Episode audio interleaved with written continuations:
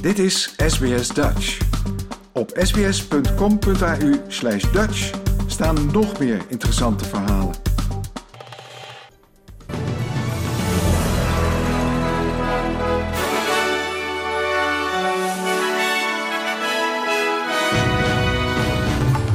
Dit zijn de headlines van het SBS Dutch Nieuwsbulletin van zaterdag 16 juli. Drie tieners aangeklaagd voor steekpartij tijdens de Easter Show in Sydney. Joe Biden verdedigt fistbump met koning van Saoedi-Arabië. En zorgen om bosbranden in noorden van Portugal.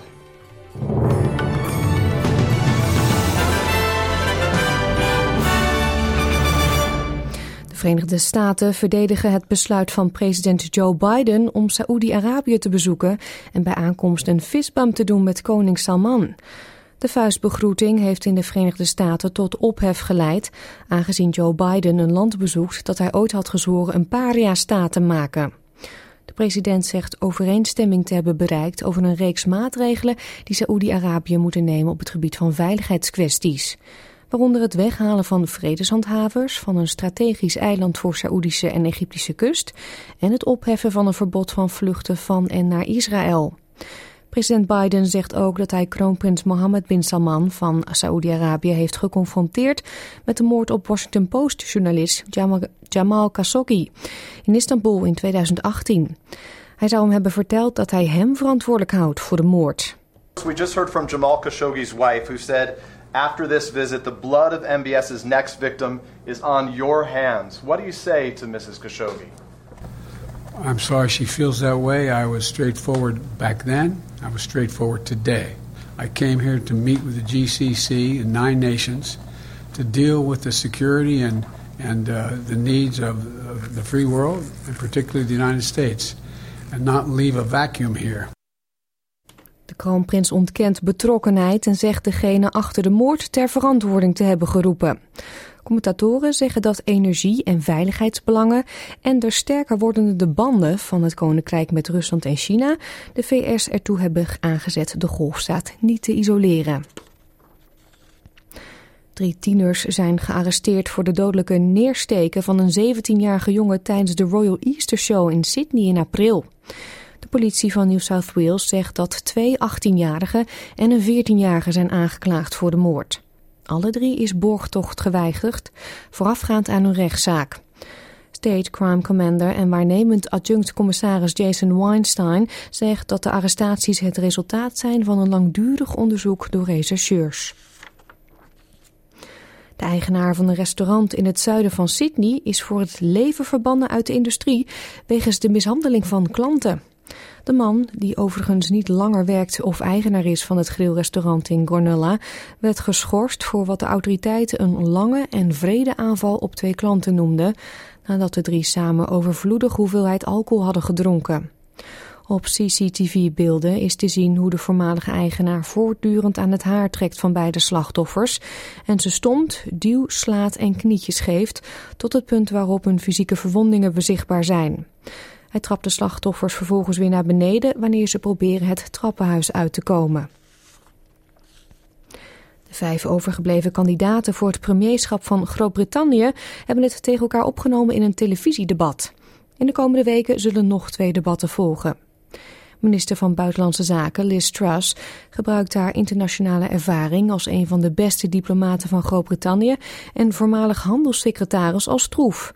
En zweert een harde lijn te zullen volgen met de Europese Unie in handelsruzies na de brexit.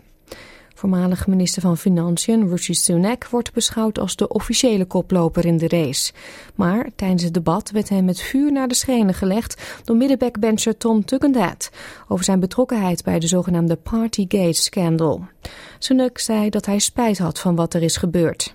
Of course there's a problem with people being asked to obey rules that those who make them don't obey. Of course that's a problem. He's talking about you, Rishi Sunak. I mean, explain why it's okay to have a prime minister who has been found to break the COVID laws. Yeah, it was uh, it was a mistake, and I apologised for it at the time, and I apologise for it again. I wish it had never happened.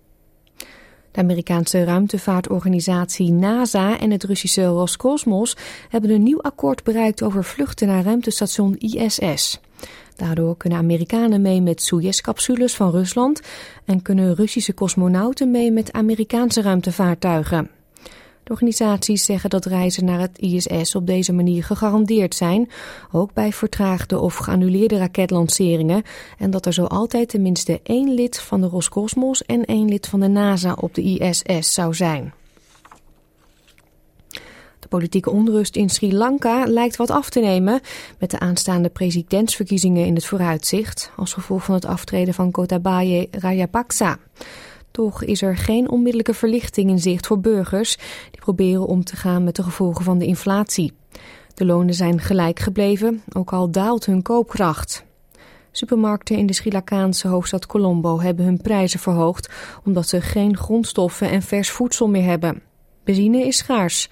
Local Nuan zegt dat de kosten voor voedsel en transport snel zijn gestegen. Normal food prices got high and after the uh, May the fuel prices went up. With that fuel prices uh, increase uh, increase of fuel price, then all the transportation and the transportation prices uh, uh, came to uh, very high. Het nationale kabinet komt vandaag bijeen om te praten over de aanhoudende COVID-respons van Australië. De verwachting is dat de federale regering zal aankondigen dat zij terugkomt op een besluit om de Pandemic Isolation Payment te beëindigen. Er stond een kabinetsvergadering gepland voor maandag, maar premier Anthony Albanese heeft deze twee dagen vervroegd. De betaling van 750 dollar was beschikbaar voor diegenen die in isolatie moeten vanwege een positieve COVID-test, maar geen aanspraak konden maken op ziekteverlof. Er kwam veel kritiek op het besluit om de uitkering te beëindigen, maar Treasurer Jim Chalmers en premier Albanese waren van mening dat Australië zich niet kon veroorloven om door te gaan. En ze zeiden dat de maatregel een erfenis was van de vorige regering. In het noorden van Portugal is een compleet dorp geëvacueerd vanwege bosbranden. Het vuur in de buurt van het dorp, dat in een regio dicht bij de Spaanse grens ligt, begon in Spanje en heeft inmiddels Portugese gronden bereikt. In Portugal woeden op dit moment in totaal 10 branden, maar de Civil Protection Agency van het land maakt zich het meeste zorgen over die in het noorden van het land. De branden worden aangewakkerd door droogte en extreme temperaturen. Op sommige plekken in het binnenland bereikt het kwik de 40 graden. Verkoop van alcohol in afgelegen indigenous gemeenschappen in de top-end wordt vanaf vanavond legaal. Het verbod loopt af om middernacht nadat het parlement van de Northern Territory in mei had gestemd om een einde te maken aan de beperkingen die was ingevoerd tijdens de beruchte interventie in 2007.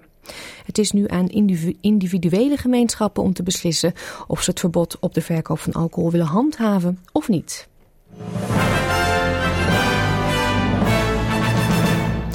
Weerbericht dan voor vandaag. In Perth vallen een paar buien en wordt het 19 graden.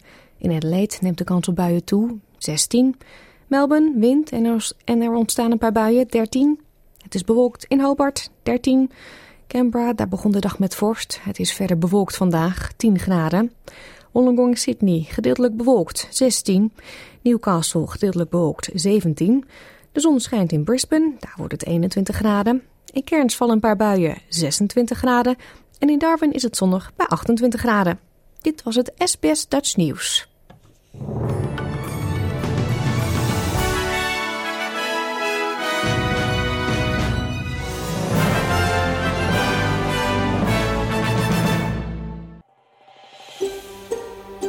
Wil je nog meer soortgelijke verhalen? Luister via Apple Podcasts, Google Podcasts, Spotify of waar je je podcasts dan ook vandaan haalt.